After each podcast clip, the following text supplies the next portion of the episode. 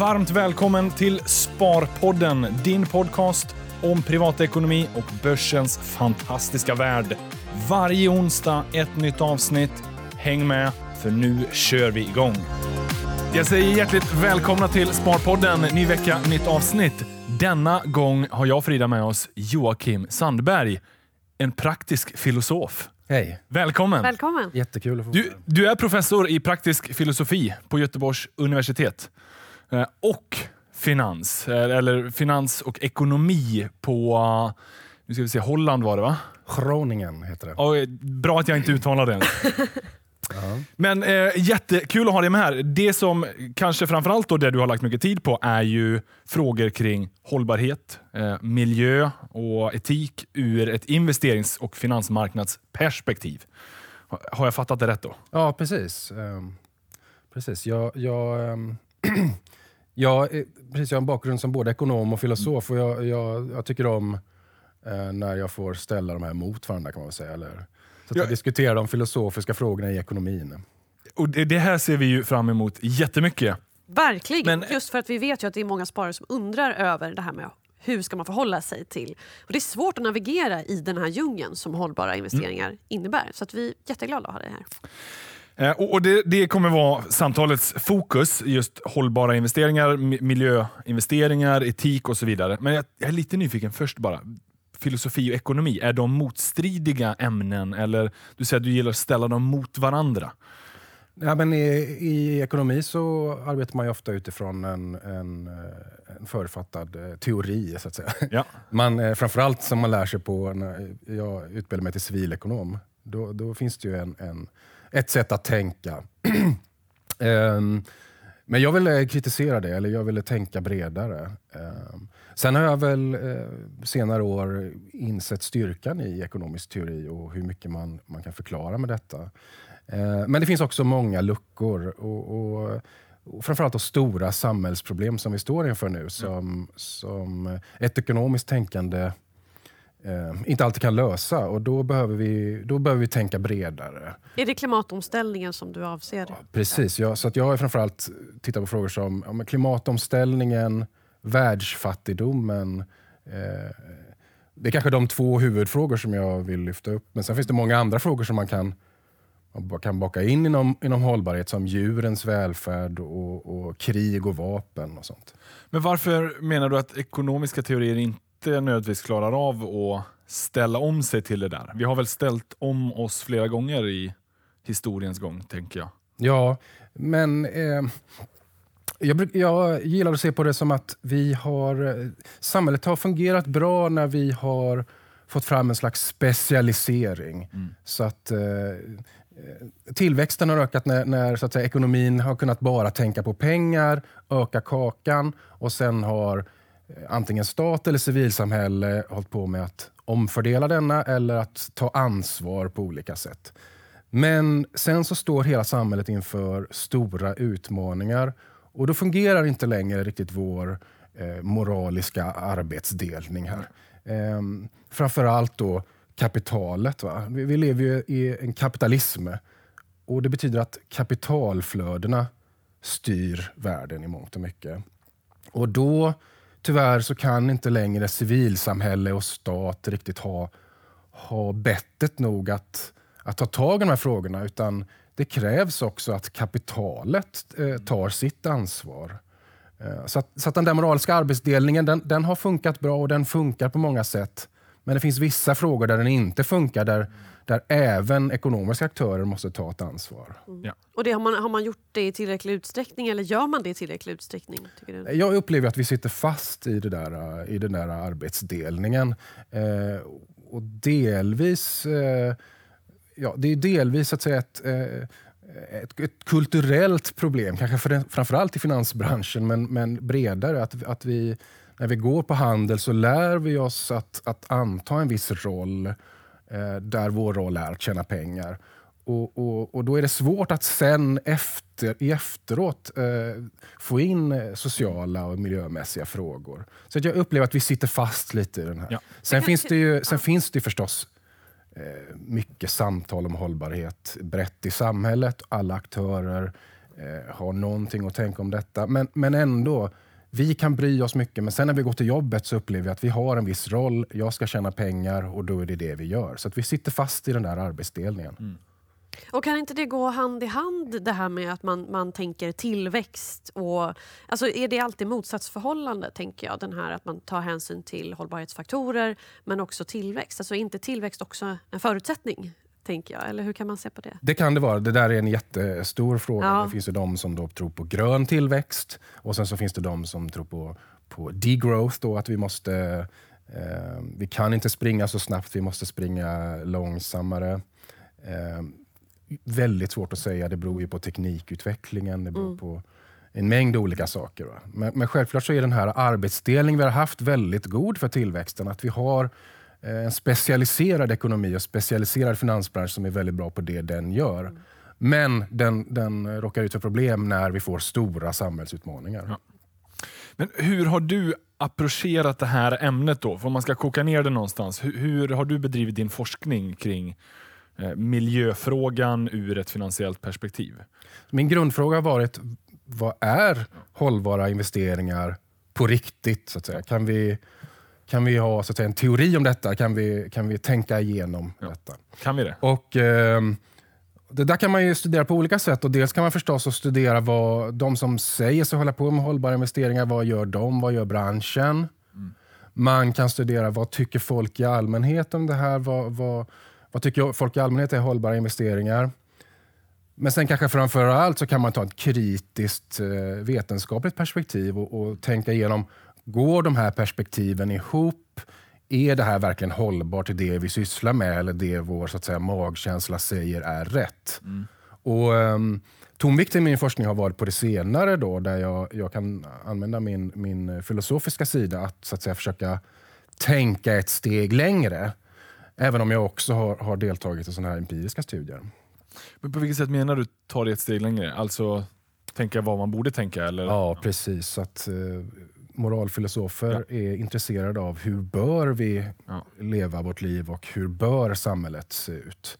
Och eh, då är vi intresserade inte bara av, av hur råkar vi tänka just nu och hur, hur eh, agerar aktörer just nu, utan eh, vad är ett bättre sätt? Hur får vi det här att gå ihop till att verkligen nå de mål vi vill nå? Och den, eh, det svaret vill vi ju gärna få. För det är så här, Min uppfattning är ju, jag tror att många delar den med mig, att hållbarhet och hållbart sparande, det är en ganska flitig debatt och många har mycket åsikter. Men det är svårt att koka ner till vad får faktiskt påverkan? Vad, vad gör effekt? Eh, liksom, hur radikala ska vi vara? Ska vi eh, revolutionera de här kapitalflödena eller ska vi liksom effektivisera dem till vissa delar? Eh, och, och Sen undrar man ju också, är det här... Eh, för man får ju någonstans uppfattningen att ganska många har en åsikt i frågan, men några kan ha en jävligt stark åsikt och det här är det enda viktiga, medan någon annan känner att det här är en av många saker som man kanske ska ha i beaktande. Eh, nu blev det må många frågor igen här kanske, men så här, hur, hur förhåller du dig till eh, liksom debatten, att den är så livlig? Upplever du att det är, är det ett brett intresse för hållbarhet eller är det en mindre ganska aktiv och högljudd debatt bland några som har ganska kanske breda plattformar och mycket utrymme? Eller eh, är det här bara en fråga som många tycker är viktig bland många andra? Ja, all, all of the above skulle jag säga. Ja. Ehm, det är ju så att det finns... eh, jag, skulle, jag upplever ju att, att, så att säga, golvet har, har höjts. Så att, att, att den, den breda massan av finansaktörer pratar mer om de här frågorna. Eh, men det betyder inte nödvändigtvis att, att, så att säga, de, de tillhör spetsen. Då. Nej. Men sen finns det också spets eh, som har utvecklats. Men, men eh, alltså, du pekar ju på en grundläggande problematik här att, att um, det är för många väldigt oklart vad en hållbar investering är. Vad innebär en sån strategi?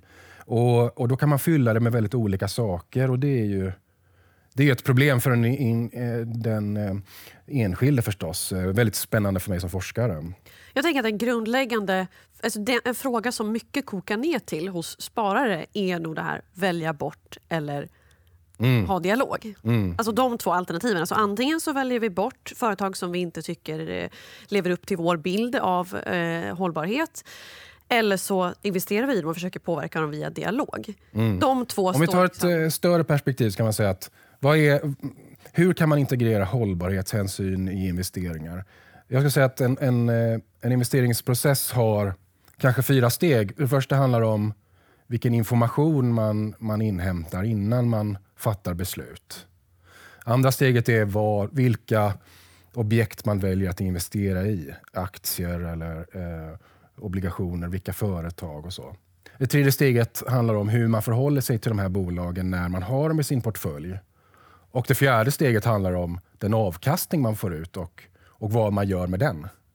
Och, eh, så om man vill ha hela eh, paletten så kan man ju eh, ta hållbarhetshänsyn i alla de här fyra stegen. Då. Och precis som du säger så, så kanske den, den, så att säga, den, den klassiska strategi man förknippar med det här är då att välja till eller bort vissa, vissa företag. Eh, så att det handlar om vilka bolag man investerar i. Men man kan också in, eh, eh, ta hållbarhetshänsyn som du säger i hur man förhåller sig till bolagen. Om man eh, för en dialog med dem eller röstar på bolagsstämman. Eh, försöker vara aktivist. Men man kan också eh, välja att använda avkastningen på ett visst sätt. Och där har vi en tradition i Sverige av så kallade ideella fonder där en viss del av avkastningen går till välgörande ändamål. Och Sen kan man då eh, välja det första steget att bara så att säga se det som en informationsfråga. Och tyvärr så är kanske den bre, det breda lagret av finansiella aktörer de, de förhåller sig mest på det där första sättet. Man kallar det för ESG-integrering. Då. Vad betyder det rent Så säger man att nu har vi, nu har vi integrerat miljö och etikfrågor i, i liksom den, den traditionella portföljförvaltningsmodellen. Vad betyder det? Ja, det betyder att man, man, man tittar lite extra på miljöfrågor. Man kanske ger extra vikter till miljörisker och så. Men jag skulle säga att det där för- förhåller sig framförallt på det första steget, vilken information man hämtar. Sen är det ju lite oklart hur man agerar på den. Då. Ehm, så så det, där, det är väl kanske golvet, skulle jag säga. Att man åtminstone tittar mer på de här frågorna. Eh, De som vill göra mer måste välja någon av de mer aktiva strategierna. Mm. Jag tänker Det som är svårt för sparare är ju att eh, det finns de här olika eh, tillvägagångssätten att gå kan man väl säga då för finansiella aktörer. Men för sparare, så, fondnamnen är ju ungefär Sverigefond Hållbar oavsett vilket sätt. Så det är, därför är det väldigt svårt att navigera för många sparare. För Man måste liksom ha en uppfattning om vad man själv föredrar i det här. Och då tänker jag att den här välja bort-strategin, att det kan ju för många kännas bra. Mm. Men vad har du kommit fram till vad gäller effektivitet? Mm. Eh, det är en jätteviktig fråga. Man kan säga, alltså, nu kommer vi till den andra delen här. Vad, vad, vad gör då de här strategierna hållbara eller inte? Och då ska jag säga att det finns två stycken så att säga, eh, mål man kan ha här som delvis är i konflikt med varandra. Eh, för förenkla kan man kalla dem för symbol och effekt. Så att vi, vi eh, principer och, att, och ställningstaganden och symboler är ju väldigt viktiga ur moralisk eh, synpunkt. Vi, vi, det är så vi kanske moraliskt kommunicerar med varandra. Vi tar stark ställning för någonting och, och uttrycker en symbol. Och, och Vi vill veta att andra aktörer i samhället är, så att säga, är med på samma hållbarhetsmål som oss. Och Då vill vi att de ska ta ställning och då är det lätt att söka sig till de här symbolerna. Va? Ehm, så symbol är en sak, men sen är ju nästa fråga eh, effekt. Då. Vi vill ju också att det här ska leda till ett mer hållbart samhälle. Ehm, så att vi, vi vill att de ska, det ska göra skillnad på något sätt. Och tyvärr så går inte alltid de här två ihop. Då. Och där är den här välja bort-strategin tycker jag ett, ett tydligt exempel på detta. Ehm, den är väldigt tydlig ur ett symboliskt perspektiv. Man, man tar ställning, man har en svart lista. Det där är fel, jag ska inte ha någonting med det att göra. Och tydlighet är kanske något som sparare lockas till eftersom det är lite krångligt här idag. Absolut. Och i många tidningsgranskningar och, och sådär, så, så är det där det tydliga budskapet. Va? Aha, ni har fingrarna i kakburken, eh, ni, ni investerar i det där som är fel. Eh, och, så det handlar väldigt mycket om symbolik. Va? Ehm, men om man då ställer följdfrågan, hur- vilken effekt har detta? Så är det väldigt svårt att påvisa någon effekt av detta.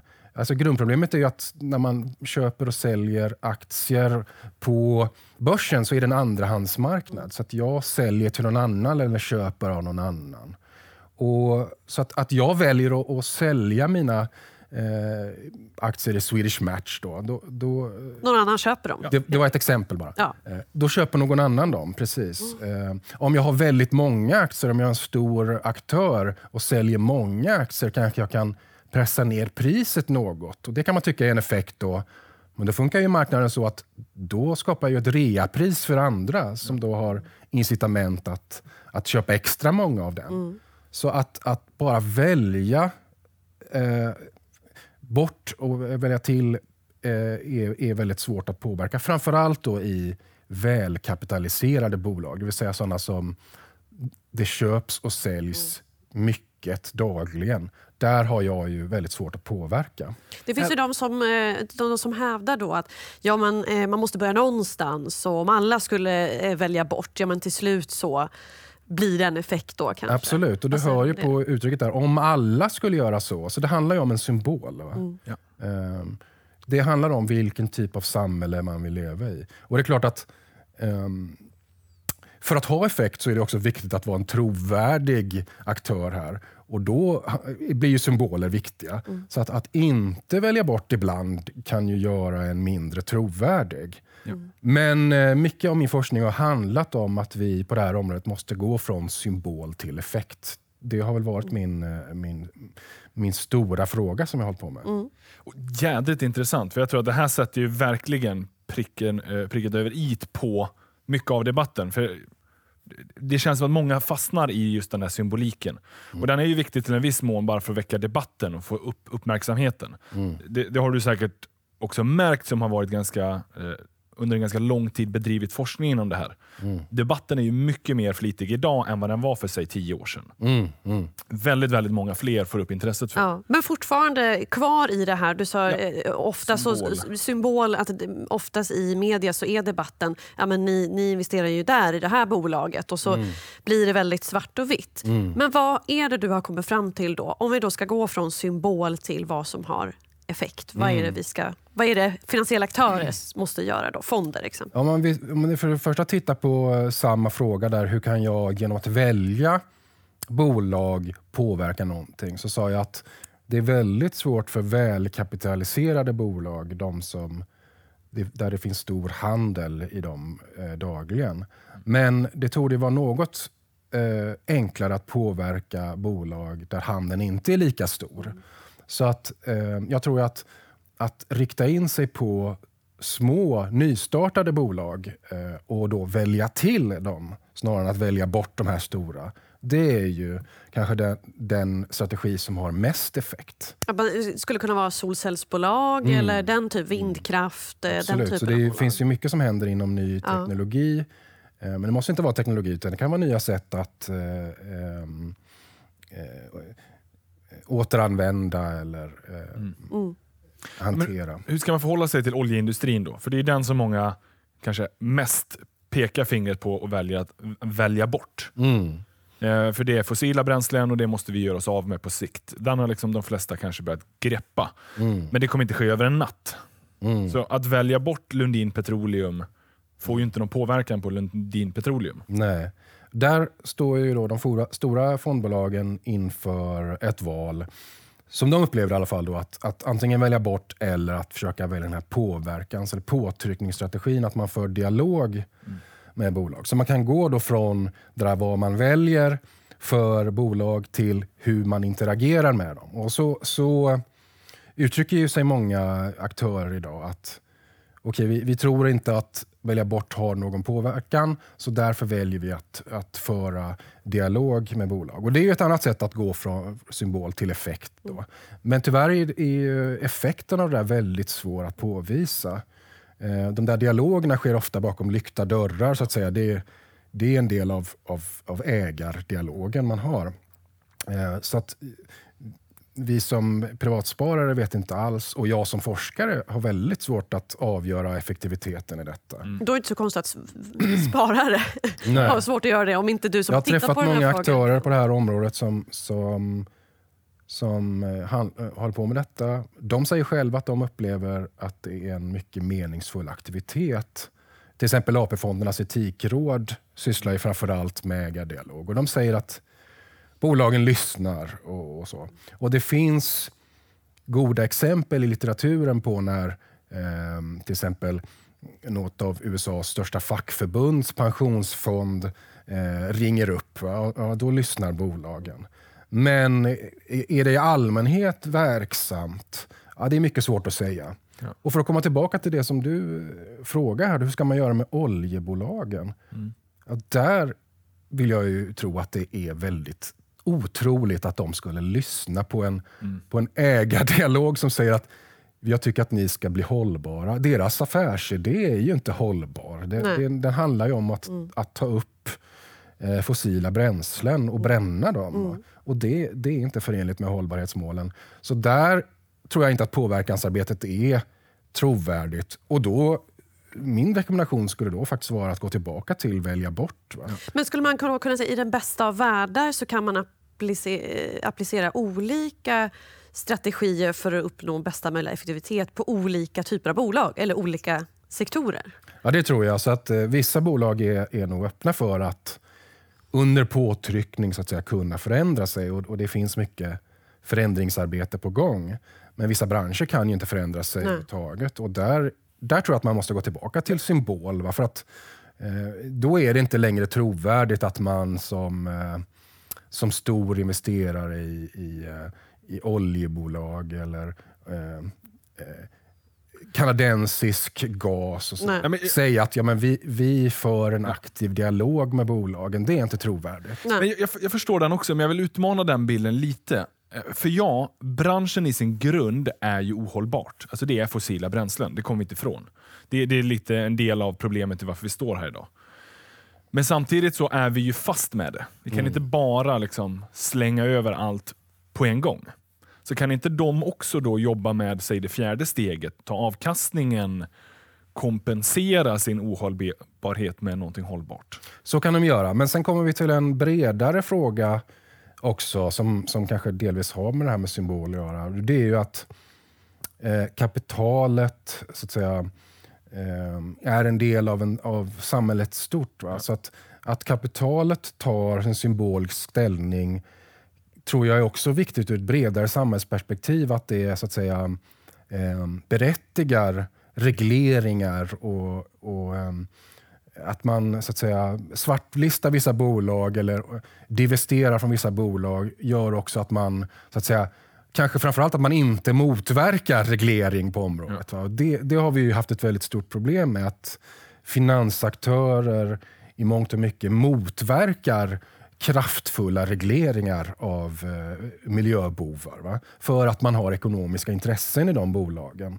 Så då tror jag att det är bättre att, att sälja och att eh, stödja regleringsförsök. Och Sen kan man då investera i alternativa energikällor som man sen då kommer tjäna på när regleringarna väl kommer. Men har, har du några exempel på sådana typer av regleringar? Finns, finns det någonting som vi vet har stannat upp på grund av de här bolagen? Alltså det som... Ehm, eh, För utsläppsrätter är ju ändå ja. ett faktum nu. Det är klart, jag, säger, jag, jag, kan inte alla heller, för jag vet att de bedriver ju mycket lobbyverksamhet. Mm. Oljebolagen är väl kanske en av de större lobby, lobbysponsorerna. Det vet mm. vi ju. Mm. Men eh, är det tillbaka till det här att jag vet inte hur radikala vi ska vara och mm. bara stänga ute det helt. För vi har ändå någonstans byggts upp, byggt upp det samhället vi har med hjälp av den typen av energiförbrukning. Mm.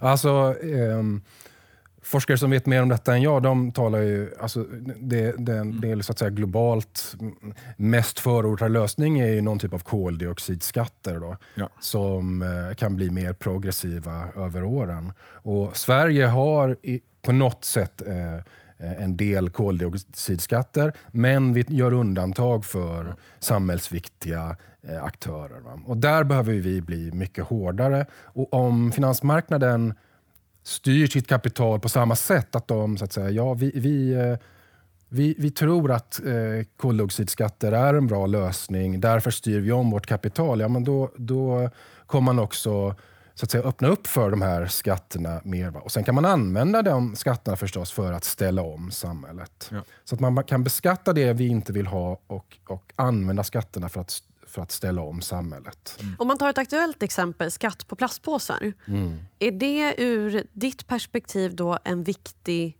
symbol? Eller är det en onödig symbol? Eller man ska säga. Det är ganska mycket diskussion kring. Är det inte liksom bara symbolik? Mm. Vad har det för någon effekt egentligen? Eller är det viktigt för att sända signaler om att... Eller hur ser du på... Tyvärr tycker jag att allt för mycket sånt där symbolpolitik har handlat om konsumenters val. Att vi, vi ska, vi ska minsann behöva betala en krona för plastpåsen eller sådär. När de här stora raffinaderierna fortsätter att spy ut sin, eh, sina föroreningar. Så att jag tycker att mycket av, mycket av symbolerna är missriktade. Ja. Och, och, och delvis är det, tror jag, komma tillbaka till den här uppdelningen som jag pratade om i början. Delvis är det för att vi, vi, vi har fortfarande den idén. Vi tänker att förändringar det måste komma från civilsamhället, det måste komma från individer.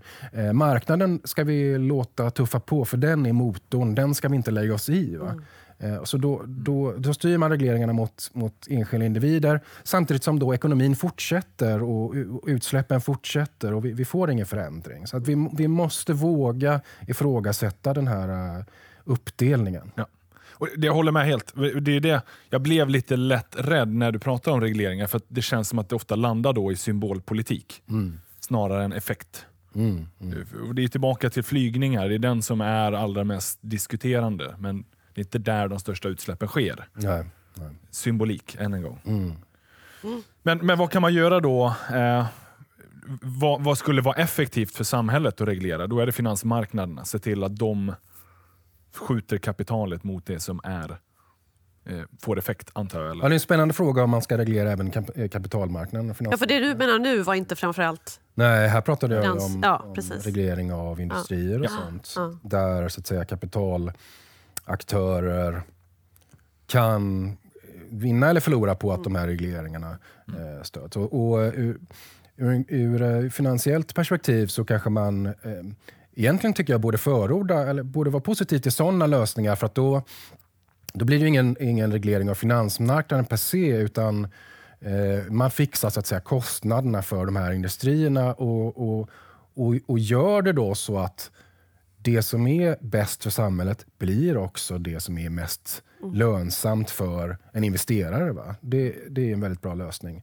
Ehm, men jag tror att eh, eftersom det där går väldigt segt, och då är ju min lösning att eh, finansmarknaden måste ta ett steg före. De måste ta sitt eget ansvar att, så att säga vara för de här sakerna och, och indirekt då legitimera förändringar av samhället. Och då tror jag nog att, att regleringar kan vara bra även på eh, finansområdet. Regleringar kanske då många... Ordet gillar man inte. Nej. Men låt oss säga puffar eller Ja. ehm, så. Så att... ehm, Och vad konkret skulle det kunna vara? Ja, jag vet ju att eh, regeringen nu arbetar på förslag om till exempel att, att skattesubventionera grönt sparande.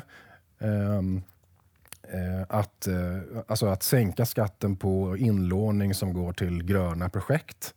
Ehm, så det skulle kunna vara en väg. Ehm, jag tror ju personligen på att en, en väldigt central ehm, lagstiftningsdel som jag har tittat mycket på det är ju eh, fondförvaltarnas förvaltaransvar. Det är ju ändå så att när jag är ute och, och föreläser om, om hållbara investeringar så säger många förvaltare ja det låter ju bra men vår uppgift enligt lag är ju faktiskt att tjäna pengar. Det är så vi har så att säga, reglerat fonder. Va? Och framförallt är detta för att de inte ska kunna fuska. De ska inte kunna så att säga, eh, stoppa pengarna i egen ficka. De ska inte kunna satsa på projekt som de råkar gilla. Så där, utan det ska, det ska vara till andelsägarnas intressen. Ja. Men om den här regleringen, då, den här lagstiftningen pushar eh, eh, fondbolag till att investera i olja för att det är där pengarna finns, då, då, är, ju, då är ju den regleringen väldigt missriktad. Så vi måste öppna upp för att ge fondbolagen eh, ett mandat att eh, investera i omställningen. Och kanske incitament? Eller räcker det med mandat bara? Incitament var ju den här första delen, att vi reglerar industrierna. och Det, det tror jag också på. Men, i, men eh, samtidigt tror jag att vi måste ge dem ett, ett direkt etiskt mandat. För att eh, det är en lång omställning att göra det mer lönsamt att göra rätt än inte. Mm. Under tiden måste vi också ge dem ett mandat att, eh, att tänka på etik och miljö. Och, och det finns ju i Sverige är unikt på det sättet att vi har ett sekundärt mandat till AP-fonderna. Ehm, de ska eh, beakta etik och miljö utan att göra avkall på mm. avkastningen. Så att det är ett sekundärt mm. mandat. Men det är ändå ett, ett, ett direkt mandat att tänka på etik och miljö. Det handlar inte om lönsamhet utan det är mm. för att de är viktiga samhällsaktörer. Det där tycker jag är en väldigt spännande mm. idé. Men den måste bli lika viktig som avkastningen, åtminstone i vissa frågor som jag sa. Då. Jag tänker att om man mer börjar diskutera eh, hållbarhetsfrågor i termer av eh, risk mm. så skulle det kunna gynna det här tänket, alltså avkastning kontra hållbarhetstänk. Att, mm. eh, det är ju faktiskt förenat med en risk kanske att inte ta hänsyn till, äh, att investera i bolag som inte tar hänsyn till hållbarhetskriterier. Jag tänker exempel Volkswagen. Mm som struntade i, i, eller fuskade med testerna och det kostade dem väldigt mycket pengar i slutändan. Mm. Så att, eh, jag vet att Blackrocks eh, eh VD eh, diskuterade det här till, i sitt brev då till, till eh, storbolags-VD. Att man kommer börja titta på eh, investeringar som inte tar hänsyn till, eh, till de här faktorerna som en ökad risk. Mm. Ja, det tycker jag är en intressant fråga. Kan man, och den går tillbaka till din fråga om, eh, om eh, incitament. här. Kan man så att säga, förlita sig på rent ekonomiskt tänkande, för rent, rent finansiella hänsyn och, och bara säga att men titta, här finns risker, här finns möjligheter. Kan man göra så? Eller måste man nog ändå ge dem ett, mm. ett sekundärt mandat att tänka på etik och miljö direkt? Ja, eh, man kan se det så här, va? att den här idén om risk, den är ju egentligen... Alltså det, det är en väldigt det är egentligen en, en passiv, ett passivt incitament. Om det är så att vi tror att samhället kommer ställas om, det kommer bli regleringar, mm. det kommer bli ökad efterfrågan på hållbarhet. Då tjänar jag nu på att, så att säga, beakta mm. de här riskerna, den här omställningen. Så då blir jag ju som finansaktör en väldigt passiv aktör och jag så att säga följer andras trender. Mm. Men jag tror ju att finansmarknaden också måste bli en aktiv aktör. Mm. Mm. Så att man måste gå före och välja rätt även om man inte kan vara säker på att, att trenden kommer i samhället. Så att säga. Så att vi, vi, kan inte bara förlita oss på att andra eh, tar initiativet och vi hänger på. Utan finansaktörer måste ta eget initiativ, eh, ta eget ansvar. Eh, otroligt intressant eh, frå frågeställning. Sen, eh, en sak som jag tänker på blir då varför, gör man, var, varför har man då valt att just miljöfrågan ska vara så viktig?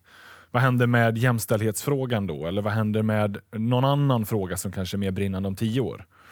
Ska ja. vi hela tiden förändra mandatet för fondförvaltare, då kommer de ju också behöva vända kappan efter vinden. Vad som är mest flitigt debatterat, vad som har störst symbolvärde. Ja, där, där, tror jag att det är viktigt att, att ha en, en genomtänkt idé på ja. vad man menar med hållbarhet och inte vända kappan efter vind. Och. Och, och, där måste man ju tänka, vad, vad är de eh, största etiska utmaningarna för vårt samhälle? Och därför har jag fokuserat på, mm. på klimatomställningen och världsfattigdomen som jag tycker är, det är vår tids störst, allra största etiska utmaningar där kapitalmarknaden till stor del tidigare har, har varit en skurk. Va? Man har eh, drivit på utsläppen och man har också genom det ekonomiska systemet samlat välstånd i det globala nord mm. till, eh, eh, och inte i det globala syd. Så här tror jag att de, det här är de, de största etiska utmaningarna för vår tid.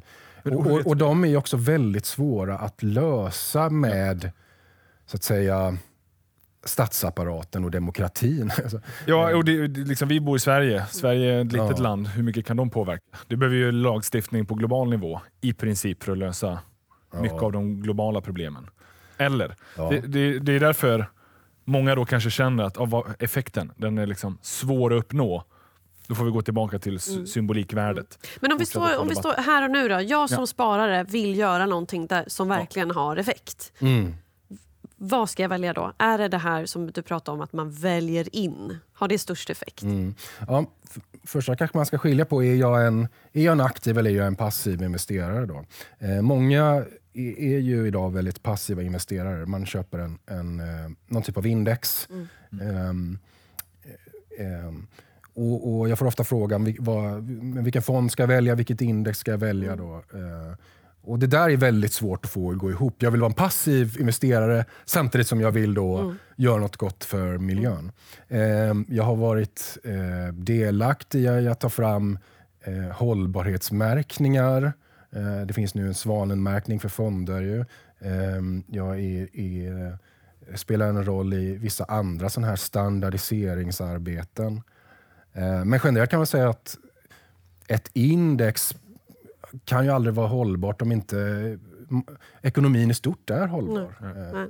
Så att, eh, där blir det ju bara enkla eh, eh, uteslutningar eller sån här informationsinhämtning. Mm. Så det blir väldigt svårt.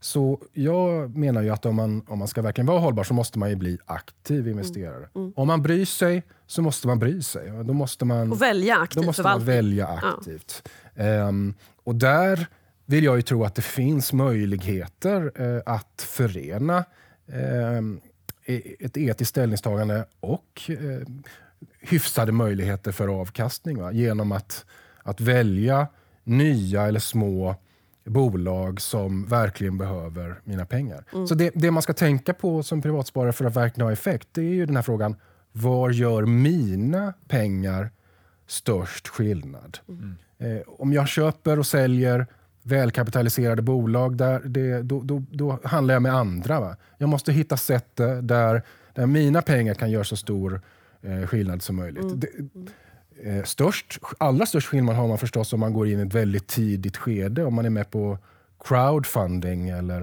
eh, den typen av, av upplägg. Då. Eh, förstås förenade med, med högre risk. Mm. Men man är eh, nära ledning och vd och kan påverka bolaget inifrån? Ja, ja så också, men jag tänkte framförallt på att i ett tidigt skede så är ju varje krona viktig för bolaget.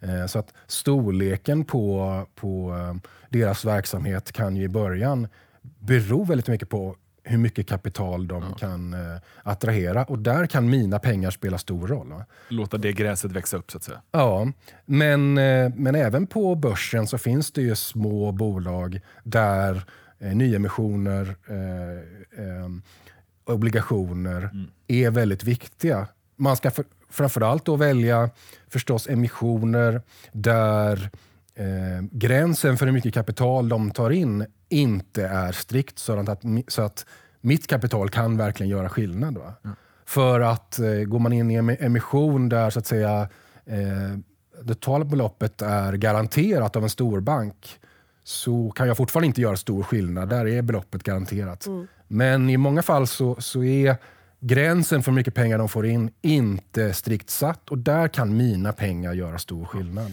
Min tanke blir ju då att ur ett riskperspektiv, om, jag, mm. om jag är en ganska ovan sparare, att då gå in i, i enskilda bolag är ju, som du var inne på, det är förenat med stor risk. Mm. Eh, om jag är en sparare som helt enkelt bara vill ha ett pensionssparande som är hållbart. Jag vill välja en fond. Jag vill inte gå in i enskilda startups, i enskilda eh, bolagsemissioner. Mm. Vad, vad, vad är det bästa sättet då? Kan det vara att kombinera då en, om jag har en indexfond med riskspridning och allt vad jag får där och, och sen en liten del i, i en mer aktiv förvaltning? Eller vad, vad skulle du säga ja, Det då? kan ju vara en lösning. Återigen, jag tycker att eh, när du ställer frågan så, så har du ju redan gett upp. så att säga. Om jag inte vill, nej, nej, om jag inte vill bry mig, hur ska jag då kunna bry mig? ja, det är väldigt svårt. Ja, det är svårt. Nej, men den är ju...